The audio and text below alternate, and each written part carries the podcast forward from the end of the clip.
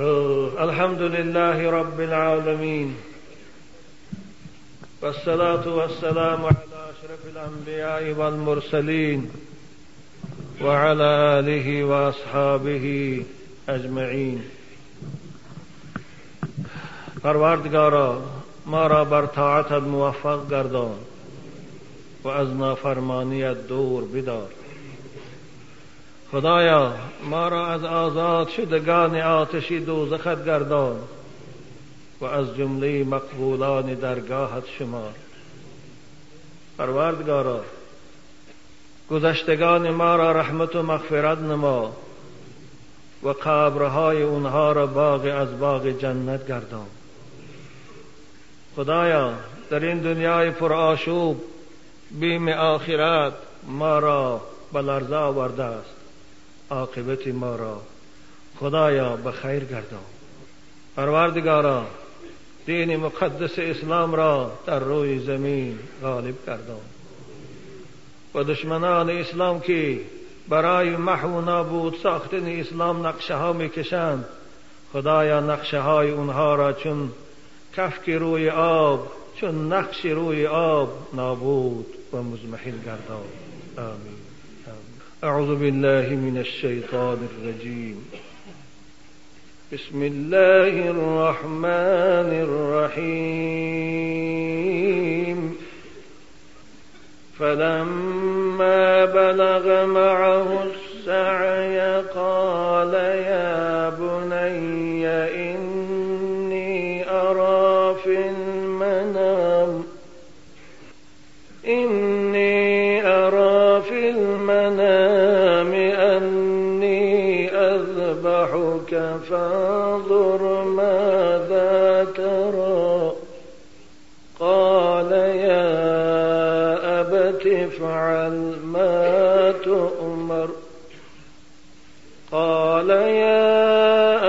يا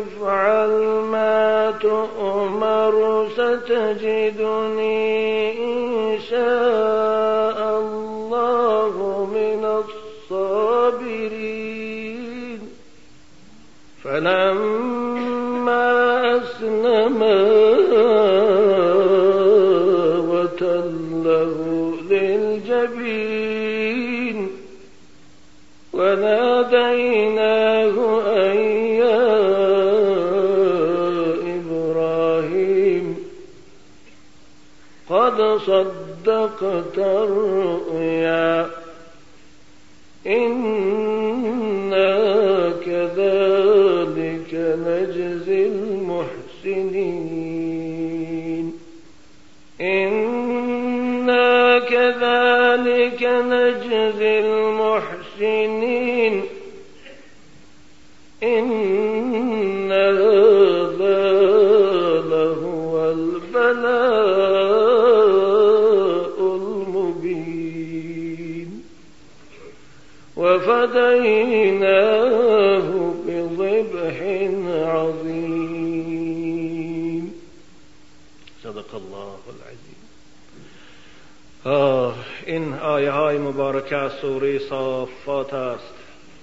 در جمعه گذشته ما بعد از انجام قصه خلیل خدا ابراهیم و بعد از بیان سرگذشت پرهیجان و پر از مبارزه های خلیل خدا این بودشکن اول و این مجاهد اول در روی زمین. ابراهیم علیه السلام شنیدیم. صحبت ما به آنجا رسیده بود که بعد از جدا شدن ابراهیم از وطن خود و از قوم خود و خواستن ابراهیم از پروردگار فرزند صالح فرزند حلیم و بردبار فرمانبردار ابراهیم صاحب فرزند شد در ایام پیری و این فرزندی که سبب روشنایی چشم ابراهیم گردیده بود نام او را اسماعیل گذاشت. اما قضای الهی بار دیگر این ابراهیمی خلیل امتحانی از اول دیده سختره ده گرفتار کرد مبتلا ساخت. و این امتحان البته از جانب خدا بود. این آزمایش از جانب پروردگار بود. تا اینکه ابراهیم خلیل خدا دوست خود بسنجد که آیا در دل او محبت خدا هست یا محبت اسماعیل؟ آیا محبت خدا بالاتر است یا محبت اسماعیل؟ از این سبب پروردگار ابراهیم در شب خواب سفارش داد که ابراهیم برخیز و این اسماعیل زیبا و این فرزند یگانه که سبب روشنایی چشم توست برای من قربانی کن الله الله. آره این امتحان بود. بنابر قرآن ان هذا له البلاء المبین گفت. یعنی این امتحان برای ابراهیم امتحان خیلی سخت و دشوار و آشکارا هم بود تا همه جهانیان بدانند و ببینند که خلیل خدا به خاطر فرمان پروردگار خود از بحری نور چشم خود فرزند یگانه خود اسماعیل هم گذشت. و یک دل مهر دو هرگز نگنجد. برای امتحان دلدار سنجد. این امتحان بود. اسماعیل چگونه که قرآن بگوید به سن هی سالگی و نه سالگی رسیده بود. به سن رسیده بود که برای مادر و پدرش خدمت می‌کرد. برای اونها آب می آورد همراه اونها به صحرا می رفت هزم می آورد یعنی در زندگی پدر و مادر دیاری می داد یعنی به اصطلاح امروز گوییم وقتی خیلی شیرینی او وقتی بود که مادر و پدر نمی توانست نسبت به فرزند در این حالت یگان نفرت یگان عداوت یگان شنبینی داشته باشد. پروردگار ابراهیم گفت که بچه برای من قربان کن. جمعه گذشته شاید اینجاهاش گفته باشم به شما عزیزان. به هر حال حضرت ابراهیم اسماعیل زیبا را بعد از شستشو کردن لباس زیبا پوشانیدن همراه به سوی قربانگاه بود به سوی مینا. به جایی که هر سال شاید دو میلیون کمتر و زائدتر مال قربانی می شود خواه از اشتر خواه از گسفند خواه از گاو. به خاطر یاد آوری از جانبازی ابراهیم و اسماعیل. به خاطر پیروی کردن از سنت ابراهیم که حاجیای عزیز ما با وجود مسافرتشان با وجود محتاج به پل بودنشان از بحری مال و ثروت میگذرند از بحر خواهششان میگذرند و یک قربانی به خاطر یادآوری از اسماعیل زیبا و ابراهیم در مینا می‌کنند نزد قربانگاه رسیدند ابراهیم گفت جان من در خواب از جانب پروردگار به من سفارش شد. باید تو را به خاطر ذات یکتای او قربانی کنم. اسماعیل زیبا تو چی می‌گویی فانظر ماذا ترا. فکری تو در این چیست حضرت اسماعیل چه گفتن؟ قال یا ابت افعل ما تؤمر. بابا وقتی که سفارش خدا برای قربانی کردن من شده باشد من یک جان نه صد جان باشد برای خدا دادم. من جان خود برای حبیبم برای دوستم سپاریدم. قال یا أبت افعل ما تؤمر. ستجدونی إن شاء الله من الصابرین شما من از جمله صبر کنندگان میابه بابا خیال نکن که من از دست شما میگریزم. خیال نکن که من در این قربانی شما در این جان فدایی شما نارضا هستم. من از جمله فرزندانی هستم که هیچگاه گپ شما را نمیگردانم. و هیچگاه در قضای الهی بیتاقتی نمی کنم آره حضرت اسماعیل صلوات الله و سلامه علیه در این وعده که با پدر در وقت مشورت داد وفا کرد. فلما اسلم و تله للجبین. حضرت اسماعیل با پدر بزرگوارش گفت بابا اکنون وقتی اجرای فرمان خدا شده است بیا من به زمین خوابان و دست پای من مستحکم ببند و کار در گلوی من گذار و فرمان پروردگار تا اجرا کن. انشاءالله تفصیل اینه از کتاب های سیر و از تفسیرها من در روز عید قربان خداخواه یک ساعت وقت دارم با شما صحبت می‌کنم.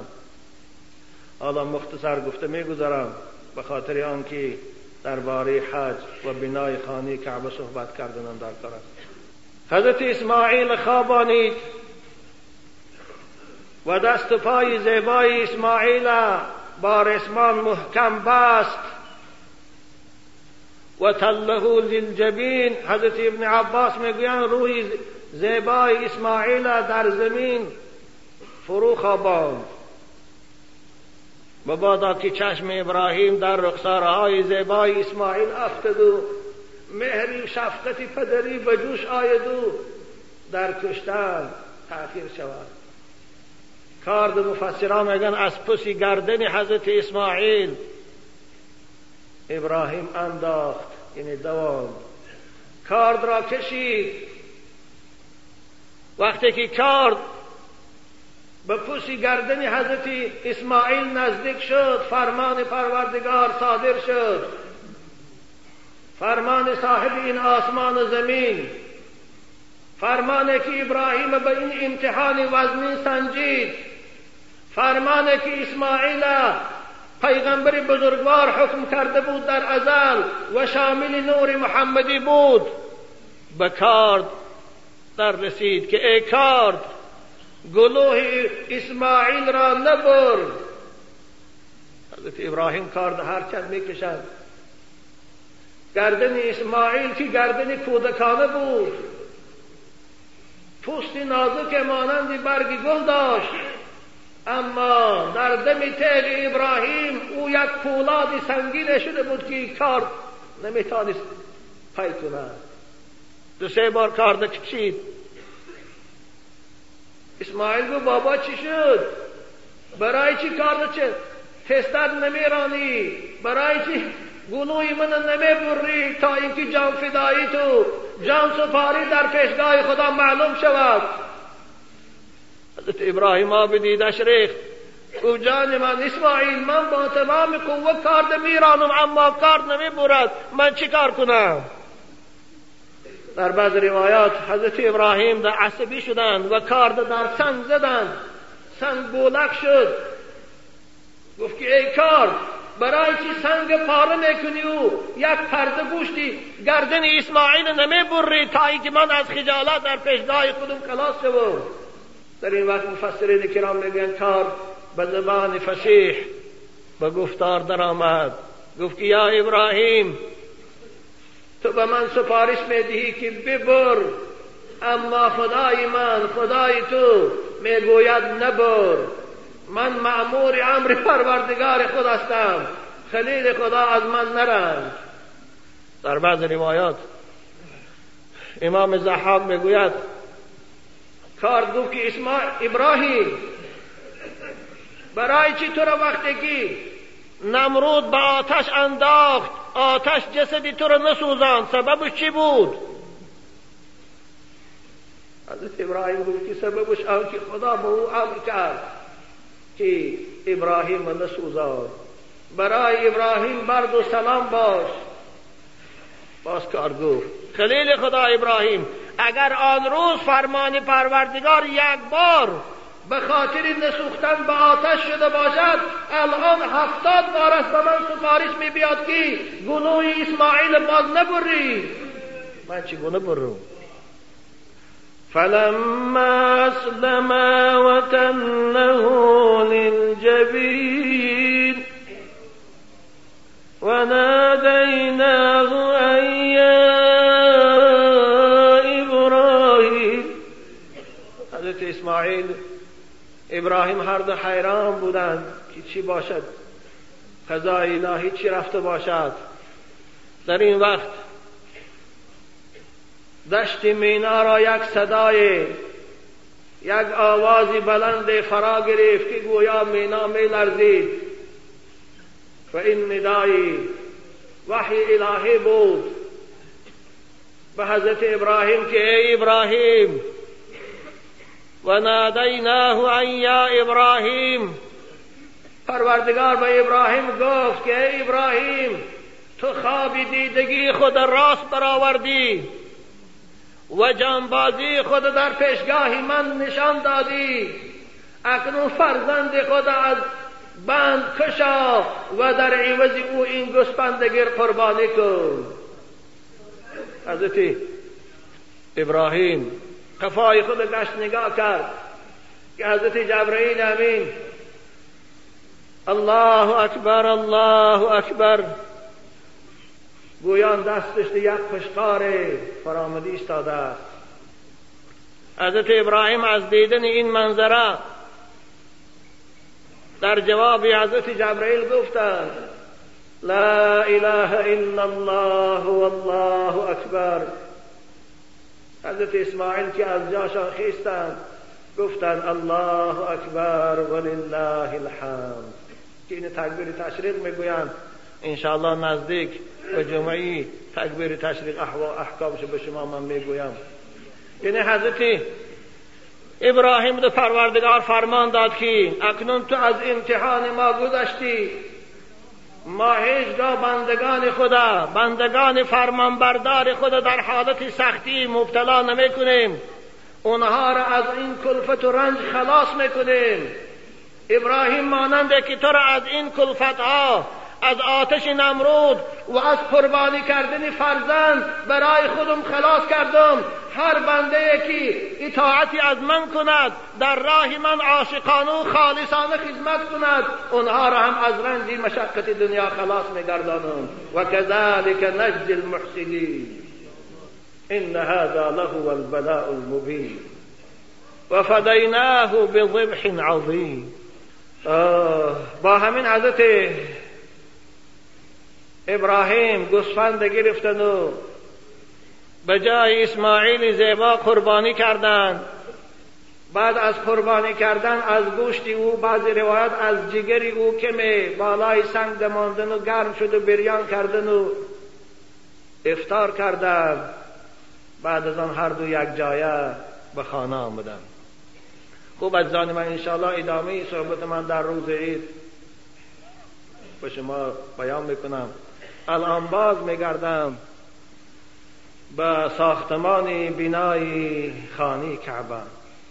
در این بین شاید باز ده سال گذشت. حضرت اسماعیل به سن بیست سالگی چگونه که روایت امام است رسیدند و از همان قبیله جرهم عربهاش ازدواج کردند یعنی خانم برای خود انتخاب کردند.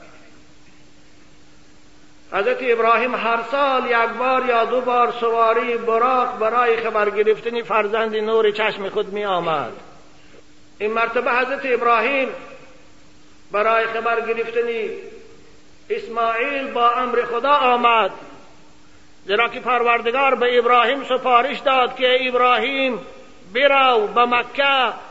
همراه فرزند نور چشم خود اسماعیل برای من خانه برای عبادت بندگانم بنا کن ابراهیم با اجازه همسری زیبای خود سارا مادرمان سواری براغ به مکه آمد. آمد به سراغ حضرت اسماعیل نور چشم خود. به خانه او رفت. فریاد کرد صدا داد از خانه یک کلینچه که برآمد. گفت بابا بیا حضرت ابراهیم سلام کردن۔ گفت جان دخترم شوهرت کجاست؟ گفت بابا شوهرم برای خاطری شکار به کوه رفته است حالا در خانه نیست۔ گفت حال شما چیست؟ زندگی شما چگونه است؟ گفت بابا الحمدلله خوب است. هیچ کمبودی نداریم. هر چیز خدا مقدر کرده باشد برامان هوایت شکر می‌کنیم راضی هستیم. بیا با مادر را گفت بخوانیم ما اسماعیل نیست خانش هست. حضرت ابراهیم پرسیدن هاجر کجاست؟ که گفت که هاجر وفات کرده. حضرت هاجر مادرمان در سن شست سالگی معرخا میگن وفات کردن. ابراهیم در یعنی در شام بودن حضرت. حضرت ابراهیم میگن در آمدن و نشستن کلیشان براش یعنی غذا آورد. باز از بعض روایات حضرت ابراهیم پاهاش شوش می‌گوید موی سر مبارکشان شوشت ثانی نشسته بود که حضرت اسماعیل قریب بیگاه از شکار باز آمدند. خب چی در اینجا تاریخ و حکایه های دیگری هم هست.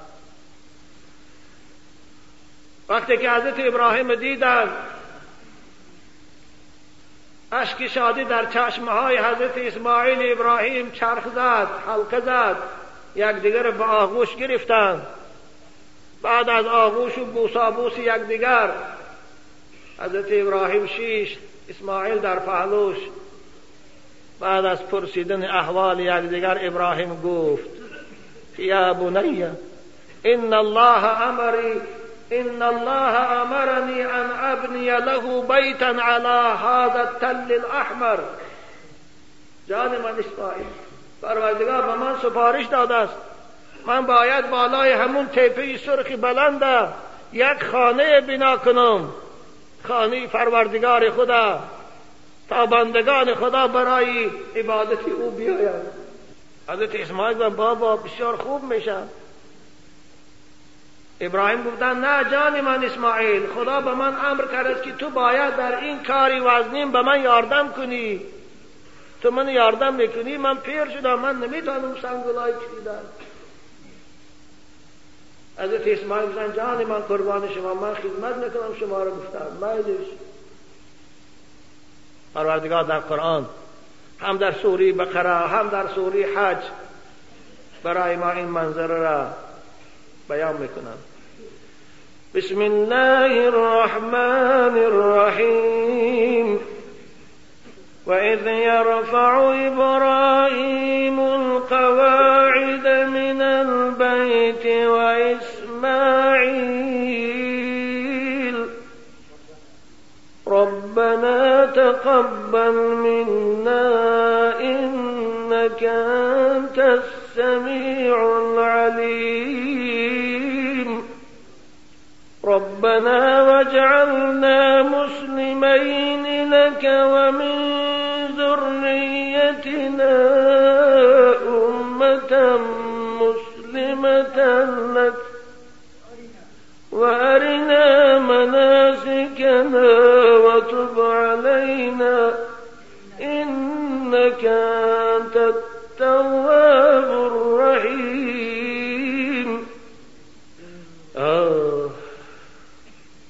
پگاه شد. حضرت ابراهیم خیستند به بالای همون تپه سرخی که فرمان خدا بود رفتند و آفتاب گرمای مکه هم بلند شده بود. حضرت ابراهیم حیران بودند که چه مقدار خانه را سازند مساحت چند قدر کنند درازش چند قدر برچ چند قدر. همون خانه که شما عزیزان من انشاءالله به این زودی به زیارت او روید. حیران بودند. ناگهان بالای سر ابراهیم یک سایه پیدا شد. این روایت حضرت علی ابن ابی حاتم روایت می‌کنند در ابن کثیر. حضرت ابراهیم نگاه کردن یک ابر پاری ابر پاری سفید دبالی سر شد. ابر می‌گوید به زبان فسیح گفت که خلیل خدا ابراهیم نگاه کن سایی من چقدر در زمین افتیده است؟ به همان اندازه سایی من تو فندم این پرتا. نه به اصطلاح امروز گوییم. یعنی زیر بینای او را اساس او را به مقدار سایی من به اندازه سایی من کن من بالای تو در تا بود شدن این خانه سایبانم. حضرت ابراهیم پروردگار به این مهربانی شکر گذاری کرده. یعنی پای دیواری خانه کعبه را کندن. حضرت اسماعیل قتیل خوب شاید این همان پای دیواری که در اول حضرت آدم کرده بود. اگرچه معرخا در این باب بحث بسیاری دارن عزیزان من اما آن چیزی که قرآن به او گویاست اولین شخصی که این خانه را بنا کرد. این حضرت ابراهیم علی نبینا و علیه الصلاة و السلام است و اگرچه معرخا در اینجا گفهای زیادی هم دارد در که قرآن و ما می‌گوید در سوره آل عمران. بسم الله الرحمن الرحیم. إن أول بيت وضع للناس للذي ببكة مباركا وهدى للعالمين. أول خانه در روی زمین برای عبادت بنا کرده شد تا بندگان خدا در آن پرستشی خدا را کنند. این همان خانه بود که در شهر مکه در سرزمین مکه ساخته شد. این خانه راهنما برای عالمیان است و قبله برای نمازگزاران است تا روز قیامت.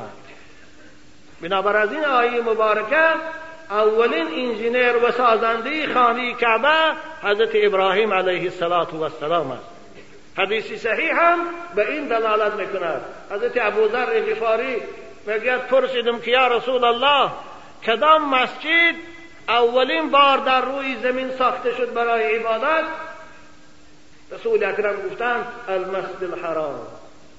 مسجد الحرام یعنی خانه کعبه.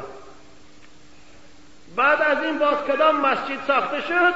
رسول اکرم گفتند که بیت المقدس یعنی مسجد اقصا کم ما بین این دو مسجد چقدر فاصله است؟ رسول اکرم بودن چیل سال است اربعون سنه. یعنی از این حدیث صحیح است این بخاری است معلوم می شود که اولین بار خانه کعبه را حضرت ابراهیم ساختند بعد از چیل سال در شام در سرزمین مقدس حضرت اسحاق مسجد اقصا را بنا کردند بنابر مسجد اقصا را بیت المقدس است. سازندش حضرت سلیمان نیست چگونه در تاریخ ها اسرائیلیات هست. اول او را حضرت اسحاق ساخته بودند پسان بعد سلیمان در زمان پادشاهی و پیغمبریش او را بعد تعمیر کرد و زیبا کرد و بعد سنگای قیمتبار شروع کرد. خوب حضرت ابراهیم ساختمان خانه کعبه را سر کردند.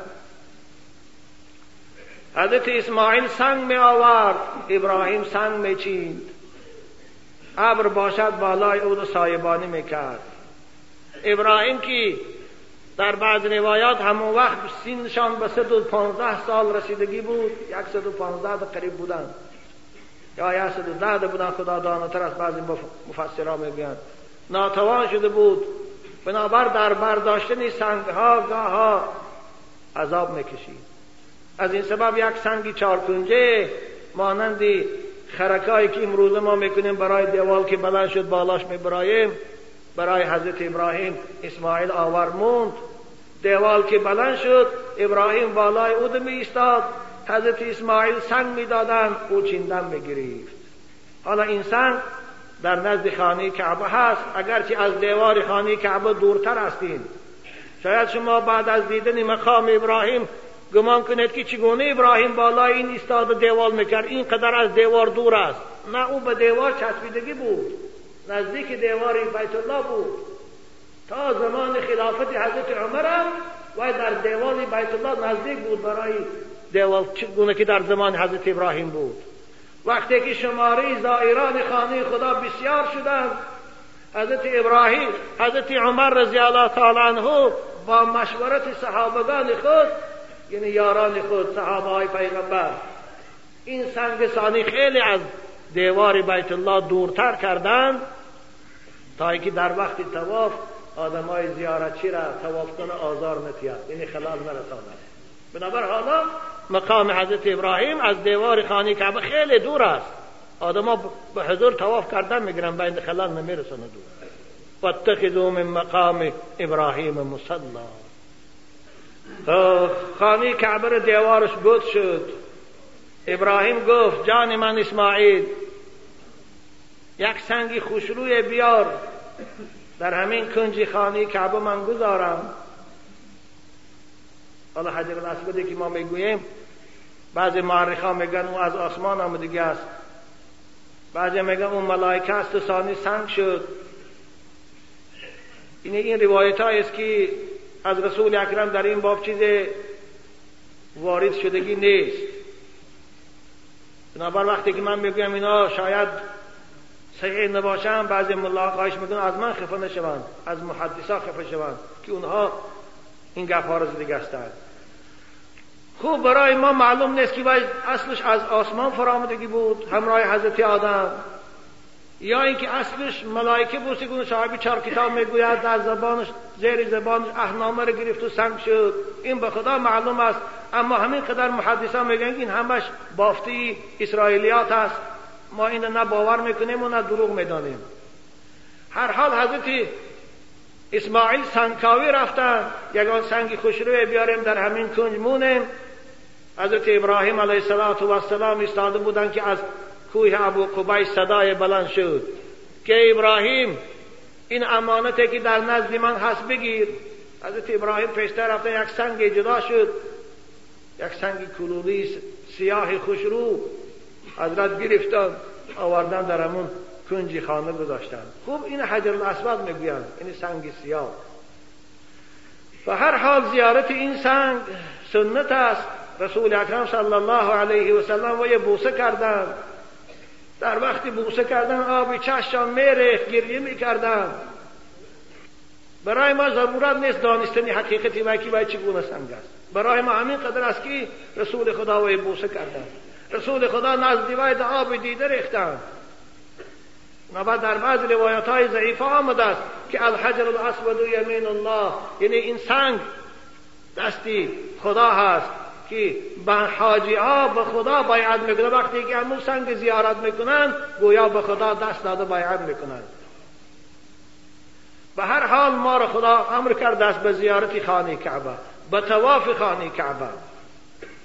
و پیغمبر خدا بوسه کردن او سنگ ما هم بوسه می‌کنیم. حضرت عمر رضی الله تعالی عنه حجر الاسود بوسه می‌کردن. آب دیدشان میریخت می‌گفت ای سنگ من می‌دانم تو یک سنگی هستی. از تو نه فایده از تو نه ضرر. لیکن من دیدم حبیب خود من نوری چشم محمد کی تو رو بوسه می‌کرد. برای من تو رو بوسه می‌کنم. به همین حضرت ابراهیم وقتی که خانه کعبه رو بود کردن به پروردگار خود دعا کردند خدایا گفتم برای من آداب زیارت این خانه رو نشان حضرت وحیب ابن ورد یکی از مفسرها هست. وقتی که همه آیه مبارکی سوری به قرار می‌خوان. فإذ يرفع ابراهیم القواعد من البيت و اسماعیل پیغمبر بیاد بیار هنگام را ابراهیم همراه اسماعیل این دو پیغمبر بزرگ دیوار خانه کعبه را بلند می برداشتند سنگهای وزنین بالای هم می چیندند و دعا می‌کردن ربنا تقبل منا. خدایا این خدمت ناچیز از ما قبول کن. حضرت وحب حضرت وحی بین آیت می‌خواند و گریه می‌کرد. چی می‌گفت؟ يبكي ويقول يا خليل الرحمن. يا خليل الرحمن ترفع قوائم بيت الرحمن وأنت مشفق ألا يتقبل منك ای خلیل خدا ابراهیم تو با مشقت در این گرما خانه خدا رو بنا می‌کنی. سنگه های وزنین بالای هم میچینی لای می‌کنی. در این وقت پیرید باز هم میترسی باز هم دل و ترس داره که آیا خدا این خدمتی من قبول می‌کرده باشد یا نه؟ این دوستای خدا تو خوف دارن؟ بنابر وقتی ما اینقدر بپروا هستیم. ما باید به حال خود گریه کنیم. ربنا واجعلنا مسلمين لك ومن ذريتنا أمة مسلمة لك ابراهیم دعا میکرد. اسماعیل آمین میگفت.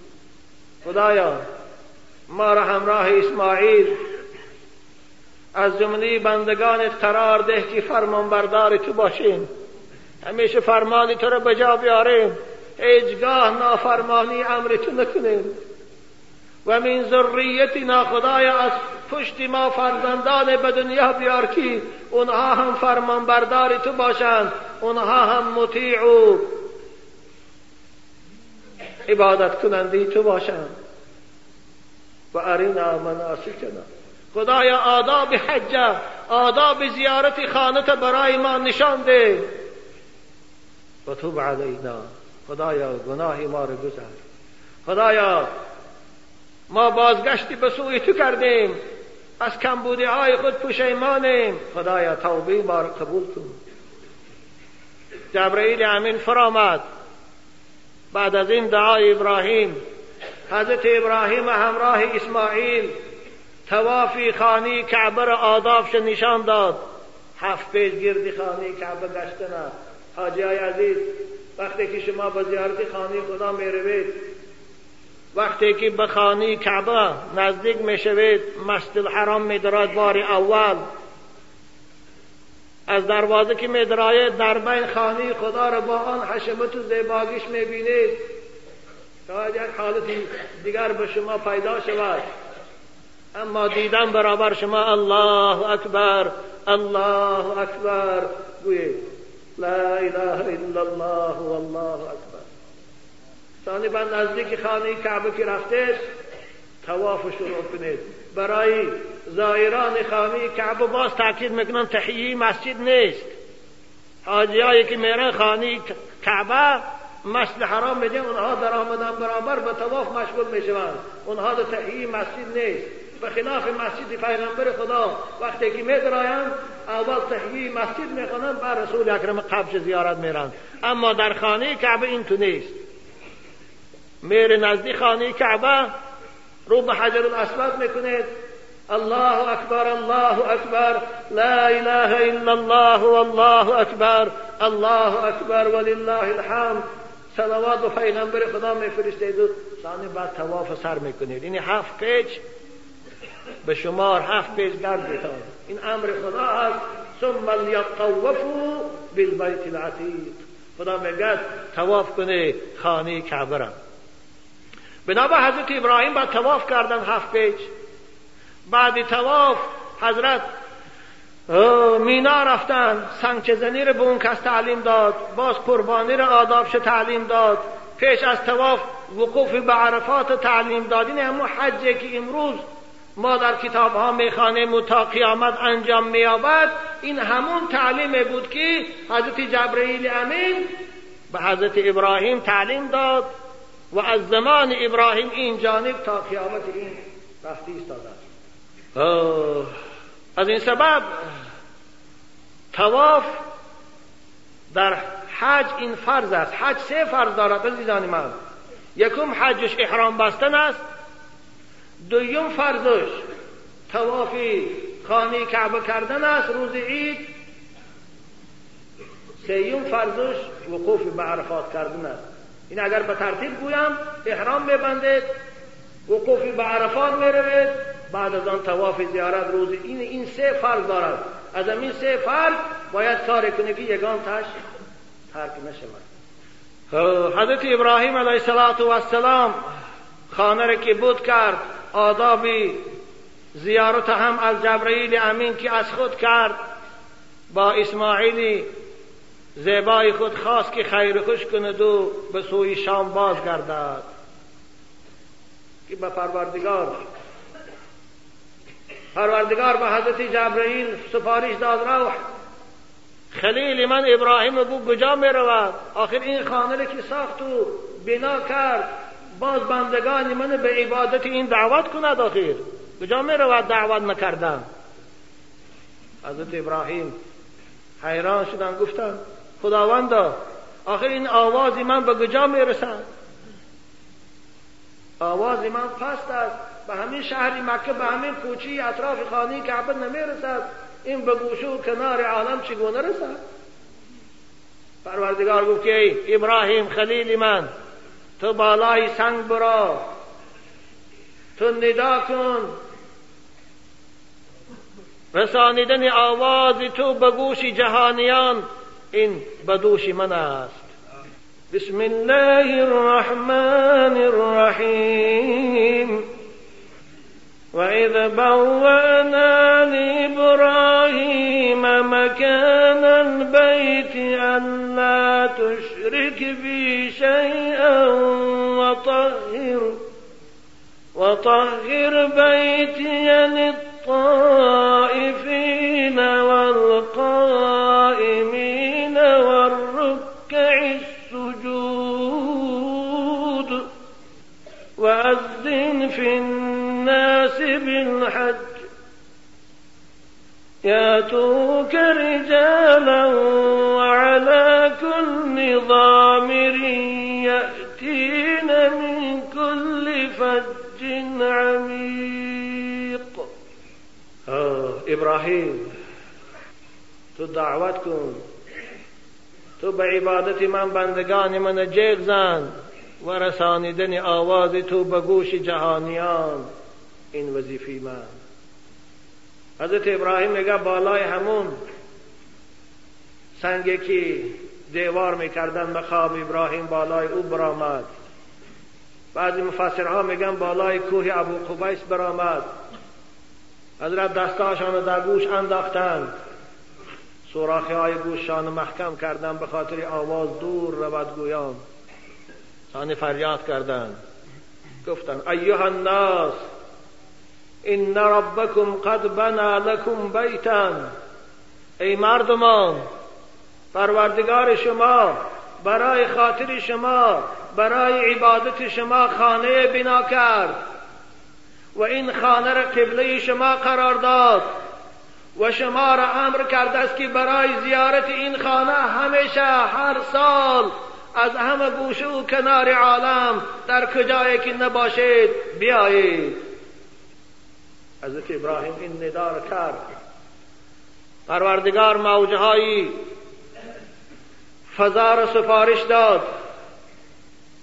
آن روز در کاسما ستانسی های مخصوص تلفنی نبود. آن وقت پرابلیسکی انتین ها نبود ساعت تلفن ها نبود از من. این موجه هایی که امروز ستانسی های تلفنی استفاده می‌برند این موجه ها را صاحبش الله هست به واسطه ستانسی های تلفنی به واسطه دستگاه های گوشی. پروردگار سپارش داد موجه ها را که به تمام گوش و کنار عالم صدای خلیل منه. به گوش بندگانم رسانید. حضرتی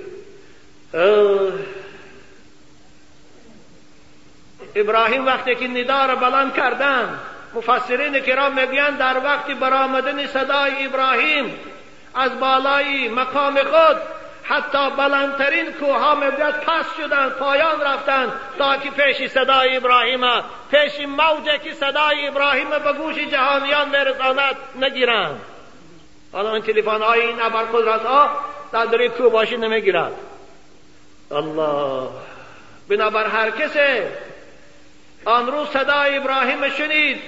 کسانی که در روی زمین حیات بودند در کدام کنجش و کسانی که در رحم مادر و در پشت پدر بودند اگر امروز تلفن ها امروز استانسی های تلفنی کاسماسی به گوشه و کنار به گوش آدم های زنده صدا را رساند پروردگار خالق این تلفن ها سفارش داد حتی در رحم مادر در پشت پدر بودگی نطفه هایی که تا قیامت می شود اونها را صدای ابراهیم رساند. به اونها رسید. بنابر شنیدن زمان این ندای ابراهیم چی جواب گفتن بندگان خدا؟ روحای ما چی جواب گفتن؟ لبیک اللهم لبیک. لبیک اللهم لبیک. لبیک لا شریک لك لبیک. ان الحمد والنعمة والملك لا شریک لك تلبیه یکی از شعار حج است. حاجی عزیز وقتی که احرام میبندید باید همیشه از زبان شما به گفتن تلبیه مشغول باشد. رسول اکرم صلی الله علیه و سلم گفتند ما من محرم یضحی یومه یلبی حتی تغیب الشمس الا غابت معه ذنوبه فعاد كيوم ولدته امه. رواه ابن ماجه. هر حاجی که روزانه تلبیه می‌گوید تلبیه می‌گوید تا بگاه تا فرو رفتن آفتاب وقتی که آفتاب فرو می رود پروردگارم گناه های این تلبیه گوینده را می‌شوید نابود می‌کند. مانند که از مادر نو تولد شده است بیگناه بشود این تلبیه بگوید لبیک اللهم لبیک لبيك لا شريك لك لبيك. إن الحمد والنعمة والملك لا شريك لك. الله بعد از ندا بعد از رسانیدن ندای ابراهیم به گوش آدمیان حضرت ابراهیم خیر خوش کرده به سوی شام آمدند از آن جانب سر کرده نگاهبونی خانه کعبه و تازگی خانه کعبه به دوش حضرت اسماعیل علی نبینا و علیه السلام بود. این از عزیزان من مختصری تاریخ ساختمان خانه کعبه. از این سبب پروردگار برای بندگان خود زیارت این خانه کعبه را فرض گردانید تا روز قیامت که این در یک سال یک بار می شود به نام حج. و حج پنجم رکن ایمان است پنجم رکن اسلام است. برای بندگانی که ثروتمندند تنصحتند راهها کشاده باشد راهاد خوف نباشد. فرض است که در عمر یک بار برای زیارت این خانه خدا برای یاد آوری کردن و اجابت کردن دعای ابراهیم به سوی این خانه سفر کنند. زیرا که پروردگار در قرآن برای ما فرضیت این عبادت بیان می‌کند. اعوذ بالله من الشیطان الرجیم. ولله على الناس حج البيت من استطاع الیه سبیلا. پروردگار فرض گردانیده است برای بندگان زیارت کردن این خانه را وقتی که اونها امکانیت و خراجات و توشی راه داشته باشند. امشال الحمدلله راهها برای زیارت خانه خدا مانند پیشتر کشاده است. اگرچه مبلغ کمی زاید هم باشد خدا خواهد عاشقان خانه خدا ده این مشکلی ندارد. عزیزان من برای زیارت او برای مشرف شدن به زیارت خانه کعبه این مبلغ شما دریغ ندارید. زیرا که هر سمه که شما در راه حج صرف می‌کنید در پیشگاه پروردگار به منزلی 700 سم در دیگر کار خیر دادن ثواب دارد. حضرت بریده رضی الله تعالی عنه میفرمایند از جناب پیغمبر روایت کرده که رسول خدا گفتن ان نفقت فی الحج کن نفقت فی سبیل الله. خراجاتی که شما در راه حج می‌کنه مثل خراجاتی در راه جهاد خدا صرف کردن است. الدرهم منه بسبعمائة ضعف. رواه ابن ماجه. یک سوم حج برابر 700 سومی در دیگر کار خیر صرف کردگی است. عزیزان من بنابر شما از این تشویش نشوه الله ثواب زیاد در پیشگاه خدا برای این مقدار پولی دادگیتان می‌گیرید. اکنون حج گفتیم فرض است. کسانی که ثروتمند باشن و شرایط رفتن داشته باشن اما حج نکنن چی؟ خوب معلوم است که کسی فرضیت حج باور ندارد. مانند بعض تاجیک های ما بعض مسلمان های مسلمان زاده های ما وقتش مسلمان نیست. گفته است که چی در کار است خراجات بسیار کرد یک سرزمینی و ایران رو تماشا کردن. با او رو ویرانه گفته است.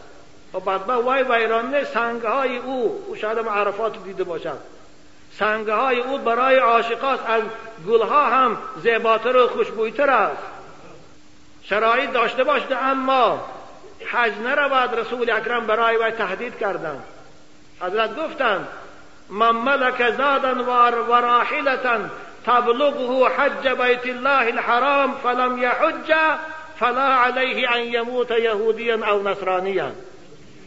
هر کسی که امکانیت داشته باشد پول داشته باشد و شرایط راه هم مهیا باشد اما حج نرود حضرت گفتن فرق ندارد که او خواه یهودی میمورد خواه مسیحی میمورد او مسلمان نیست. حضرت حضرت سعید ابن جبیر می‌گوید ما لی جار موسر لم یحج من یک همسایه داشتم خیلی آدمی ثروتمند بود بای بود اما حج نکرد. تنبلی کرد امروز میرون سال دیگه میرون حج نکردم برد فلم اصلی علیه. من برای وی جنازه نخواندم. می‌گوید این جنازش همسایم بود جنازش نبرامدم به خاطری که حج نکرد. به خاطری که زیارتی خانه خدا نرفت. بنابر عزیزان من این فرض است. این به اختیار خودت نیست. از این سبب اگر کسی فرضیت چه باور نداشته باشه وای کافر است وای از ایمان خارج است ما به او گپ نداریم. اما اگر افت باور داشته باشد که این خانه خداست خدا برای من او را زیارت فرض کرده است باید حرکت کند یک بار رود در عمر یک بار فرض است باقی مانده رفتگاش مستحب است. نفل است. خوب رود می‌رود نرود دیگر حاجت نیست. اما یک بار باید حرکت کند این فریضه الهی را از گردنش ساقط کند. اینا با صاحب مختصرم. در مذهب ما علی الفور است. اگرچه در مذهب جمهور علی تراخی است که که رود می شود اما حضرت امام اعظم می‌گوید باید همین سال که شرایط یافت پول یافت تأخیر نکرده باید رود به زیارت خانه خدا. زیرا که رسول اکرم گفتند من اراد الحج فلیعجل. کسی که امکانیت حج رفتن داشت پیدا شدش باید حرکت کند همین سال رود. به سال آینده نگذارد. شاید سال آینده بیمار می شود شاید سال آینده وفات می کند صورت گناهگار می مرد از این سبب عزیزان من این حج عبادت است این حج فریضه است. یعنی سبب خلاص شدن بنده مومن از آتش دوزخ است. حج شوینده گناه است. با یک حدیث دیگر صحبت خود به پایان میرسانم. رسول اکرم صلی الله علیه و سلم فرمودند الحجاج والعمار وفد الله ان دعوه اجابهم و این استغفروه غفر لهم. حاجی ها عزیزان که در اینجا هسته به زیارت خانه خدا میره این هفته هفته دیگر. شما مهمانان خدا هستید شما در پیشگاه خدا خیلی در اون سرزمین مقدس با حرمت هستید شما آنقدر در پیشگاه خدا قدری بلند دارید که اگر دعا کنید خالصان خدا دعای شما را اجابت می‌کند شما برای خود برای دیگران آمرزش گناه طلب کنه. خدا به خاطر شما شده گناه شما رو گناه دیگران رو میگذرد خواهش من از شما این است که در حق ما دعا کنید. در حق برادران اسلام مسلمان دعا کنید. در حق اسلام عزیز دعا کنید که پروردگار او را همیشه غالب دارد. یک دمک عزیزان من. به خاطر آن من این بحث اینجا بیان می‌کنم که از روز پنجم شنیدی من حاجی های ما سفرشان شروع می شود سال گذشته شنیدم در عرفات بین علماهای ما برای خاطر جمع کردن بین پیشین و عصر و شام و خفتن اختلاف شده است. بعض عزیزان جمع کردن اجازت ندادیان. به خاطر آنکه امام نداره ما گفته خوب بعضی ها جمع کردیان. من می‌خواهم برای همین اختلاف خاتمه بخشیدن از رد المختار از کتاب الفقه الحنفی فی صوبه الجدید نوشتم می‌خوانم به گوش شما رسد. شاید عزیزانی که این اختلاف می‌کرده باشند بعد از شنیدن این به حق بازگردن و این اختلاف نکنند. و یقرأ الامام فیها قراءة سریه در روز عرفات یعنی وقوف به عرفات حاجی ها می‌روند روز نهم ذی پیشین عصر در وقت پیشین می‌خوانیم یک وقت. شام و خفتن در وقت خفتن می‌خوانند. در مذهب ما نماز جمع کردنش فقط در عرفات در همین روز. درست است خلاص. در دیگر وقت درست نیست. اکنون همین دو نماز قرائتش خفیه است. یعنی خفیه قرائت می‌کند امام. ولا یتنفل بینهما وقتی که شما از آن گفتید و تکبیر گفتید چهار رکعت فرضی پیشین می‌خوانید با جماعت. یک تزان ملایمان کنید شد شرط ملایمان هم حج بودنش. امام قرائت خفیه می‌کند بعد فرضی پیشین سلام دادن تکبیر تشریق بگویتان برای که ایام تکبیر تشریق روز. ثانی دیگه سنت نمی‌خوانید. سنتی پیشین و چهار پیش و دو تی بعد دیگه نمی‌خوانید. و ساقط است. ثانی با میخیزه تکبیر میگید و با چهار یعنی دو رکعت فرضی عصر می‌خوانید شما اونجا که مسافر هستید دو تگی می‌خوانید. عصر می‌خوانید بعدی عصر هم با تکبیر تشریق می‌گویید. ولا یتنفل بینهما ولا بعد صلات العصری سنت ها رو نمی‌خوانید نفل هم نمی‌خوانید. ولكن یکبر تکبیرات التشریق بعد کل صلات منهما. بعد پیشینم بعد عصرم تکبیر تشریق می‌گویید. اگرچه در یک وقت هر می‌خوانید. و هذا الجمع لا يصح الا في عرفات لمن كان محرما.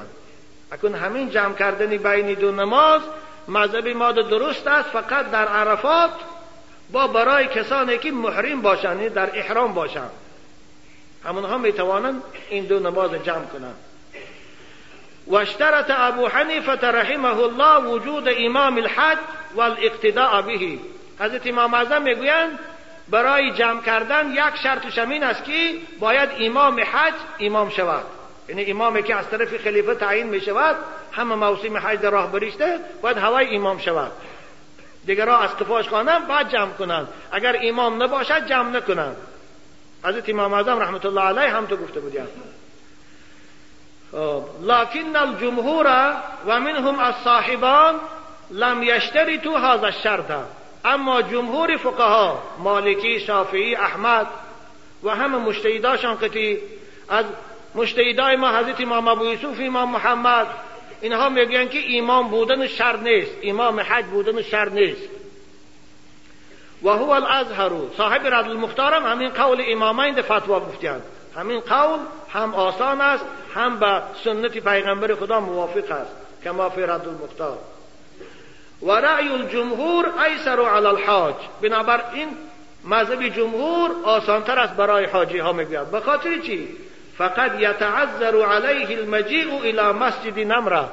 امروز اخیر همه در مسجد نمره جمع شدن این دو میلیون حاجی ناممکن است. و هیچ که نمیگنجاند همه اونجا. بنابر اونجا رفتن مسجد نمرد امام در اونجا است. اشتراک کردن با جماعتی و هیچ ممکن نیست. لشدت الزحام از سبب آدم بسیار بودن. ولهذا يمكنه ان يجمع بين الظهر والعصر معا بنفسه في موضع نزوله او بجماعة مع من ينزل معه من الحجاج. از این سبب هر کس حتی تنها هم که خواند تنها هم که خواند می‌تواند نماز جمع کند. یا با همراهی همون خیمش ده بیست نفر پنجاه نفر است یک کس امام شود نماز عصر پیشین جمع کنند یک جایی خوانند این فتوا فتوای حنفی است معلفش هم حنفی است. از رد المختار از اونجا ناکره بنابر عزیزان ما وقتی که ما تا قطع خانم آخر پیغمبر خدا را یک سنت چه ترک کردگی می شود رسول اکرم صحابه های او خلیفه های او همیشه جمع کردند. اکو امروز شماره حاجی ها زیاد شده است. همه رو در یک امام جمع کردنش ناممکن است. این عقل سالم هم این قبول نمی کند به خاطر همین می شود ده بیست نفر هر کدام خودشان جماعت کنند اصل و پیشین یک بخوانند شام و خفتن در مزدلفه یک بخوانند در کتاب الفقه الحنفی فی صوبه الجدید جلد اول صحیفی 486 است. می‌خواهم عزیزان با اون کتاب مراجعت کنه. این کتاب حنفی است. یکی از فتواهای حنفی است. رد المختار در کتاب حج مراجعت کنند در اونجا این مسئله خواهد بیان شدگی است. خوب در اینجا من صحبت خدا به پایان میرسانم. یک مکتوب تعجیلی هم هست همون خانم خواهش می‌کنم بعد اونم. عزیزان وقت شما رو گرفتم. السلام علیکم ایشان نوردین جان. ما یک گروه بیماران که در بیمارخانه خوابیم ما را در بیمارخانه اوکال می‌کنند خواهش کرده گوید که به ما آب تهارت به ما به آب تهارت کردن ممکن است یا نه؟ و به تیمم نماز خانه می شود. اولش که برادرای عزیز اگر آب شما ده زیان نکند در بیمارخانه هم که باشید تهارت کرده نمازتان خانه.